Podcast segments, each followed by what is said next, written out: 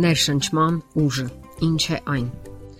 Բոլոր մարդիկ էլ առողջություն են փափագում։ Այդ ցանկությունը երբեմն վերածվում է հիստերիայի, հաճախ էլ թեթևամտության։ Իհարկե թեթևամտություն է, երբ արագ առողջացման փափագը շատ մարդկանց մղում է հավատալու շարլատաններին եւ հեքիաթային բուժումներին, առանց որևէ ջանքի եւ կայուն սկզբունքների հետևելու։ Եվ դա հանգեցնում է այն բանին, որ նրանք սկսում են հավատալ բուժման գոյություն չունեցող երևակայական եղանակների։ Բժշկության մեջ այդ արդյունքը հայտնի է որպես պլացեբո արդյունք կամ պլացեբո էֆեկտ։ Պլացեբոն լատինական բառ է, որ նշանակում է ես կլինեմ, խնդրեմ։ Պլացեբո արդյունքը օրգանիզմի դրական պատասխանն է այն նյութին, սարքավորմանը կամ գործողությանը, որը հիմնված չէ ֆարմակոլոգիական կամ որևէ այլ ֆիզիկական գործողության վրա։ Դոկտոր Ստեֆեն Բարետը գրում է. Երբ մարդը սկսում է իրեն լավ զգալ բուժման որևէ մեթոդի կամ եղանակի կիրառումից հետո, ապա շատ հեշտ է տրվել գայթակղությանը եւ բուժման արդյունքը վերագրել հենց այդ եղանակին։ Սակայն նման ճանապարհը կարող է խափուսիկ լինել, քանի որ թեթև հիվանդությունների կամ տկարությունների մեծ մասը ժամանակի ընթացքում ինքն իրեն անցնում է իսկ նրանք, որոնք իրենք իրենցով չեն անցնում, ուղեկցվում են մի շարք տարբեր ախտանշաններով։ Նույնիսկ լուրջ հիվանդությունների դեպքում հիվանդի վիճակը կարող է օրեցօր զգալիորեն լավանալ։ Եվ դա առիթ է տալիս, որ սկսեն խոսել այս կամ այն խափեփայական միջոցի շարլատանության կամ հրաշագործ եղանակի օգտակարության մասին։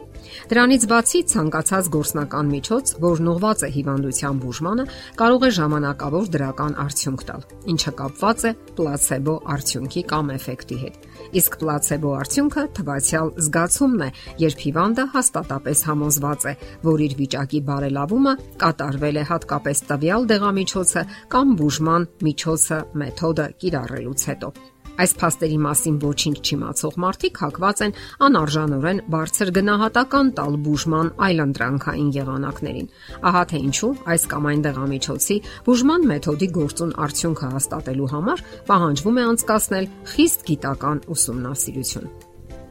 Մեր օրերում իսկապես շատացել են բուժման այսպես կոչված այլընտրանքային եղանակները։ Դրանք ոչ մի կապ չունեն դասական բժշկության նվաճումների հետ եւ ոչ քիչ դեպքերում կարող են անգամ վնաս հասցնել մարդկանց առողջությանը։ Բժիշկները զգուշացնում են, որ դրանցով հրապուրվելը կարող է ոչ միայն լուրջ վնաս հասցնել առողջությանը, այլ նույնիսկ մահվան հանգեցնել։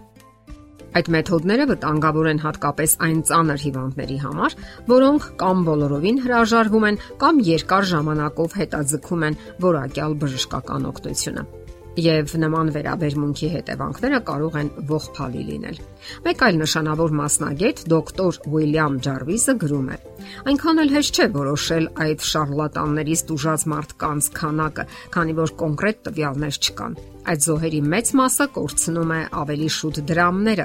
այլ ոչ առողջությունը։ Պարզապես նրանց մեծ մասը համարում է, որ այս կամ այն ոչ գիտական եղանակը օգնեց իրենց։ Երբեմն իհարկե պատահում են դեպքեր, երբ նման մեթոդներն իսկապես հուզական ու հոգեբանական թեթևացում են տալիս հիվանդին, նվազեցնելով լարվածության մակարդակը։ Սակայն դեպքերի մեծ մասում մարդը շփոթում է պատճառն ու հետևանքը, հաշվի չառնելով նաև պատահականության եւ զուգադիպության տարրերը։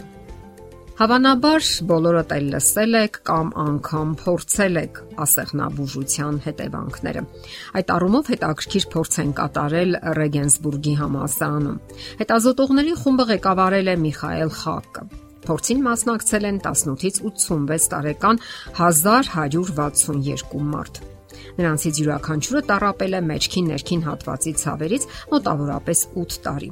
Փորձարկվողներին բաժանել են 3 հավասար խմբերի։ Մի խմբին բուժել են ասեղնաբուժության սկզբունքով, ասեղները մտցնելով հստակ որոշված հատվածներ, որոշակի խորությամբ։ Մյուս խմբին բուժել են կեղծ ասեղնաբուժությամբ, իսկ երրորդ խմբին բուժել են հակաբորբոքային միջոցներով, ցավազրկողներով եւ ֆիզիոթերապիայով։ Բուժման հաջող արդյունք պետք է համարվեր 1/3-ի չափով ցավային զգացումները հանելը եւ 12%-ով շարժունակության բարելավումը։ Արդյունքները ստուգեցին կես տարի անց։ Այսպես կոչված իսկական ասեղնաբուժության դեպքում արդյունքը 47% էր, իսկ կեղծի դեպքում 42%, իսկ ավանդական բուժման արդյունքը 27% էր։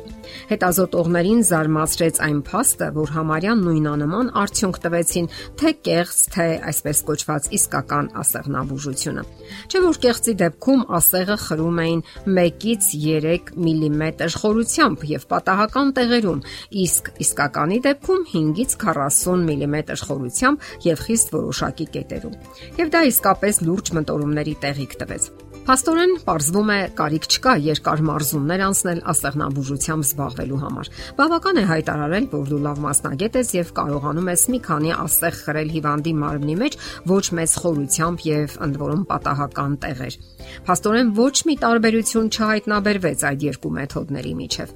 Այսինքն, արդյունքի հիմքում ընկած էր ոչ թե ֆիզիոլոգիան, այլ հիվանդի հավատը տվյալ մեթոդի հանդեպ, այսինքն գործել է պլացեբո արդյունքը։ Պարզապես հիվանդները, ովքեր նախկինում արդեն բուժում ստացել էին իրենց ցավերի դեմ, այդ նոր մեթոդի համար նոր մոտեցում ունեին եւ հավատում էին նրա բուժարար արդյունքին։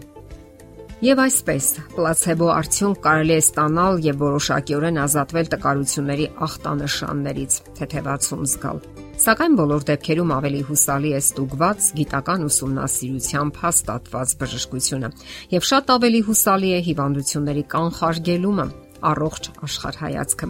Ավելի լավ է կանխել հիվանդությունները, քան բուժել դրանք։ Ապրեք առողջ կենսաձևով, երանդուն կյանք վարեք, ժամանակին ու կանոնավոր հանգստացեք, ճիշտ սնվեք, լավատես եղեք եւ վստահ եղեք, որ ձեր ջանքերը անպայման դրական արդյունքներ կտան եւ դուք երբեք պլացեբո էֆեկտի կամ արդյունքի կարիքը չեք ունենա։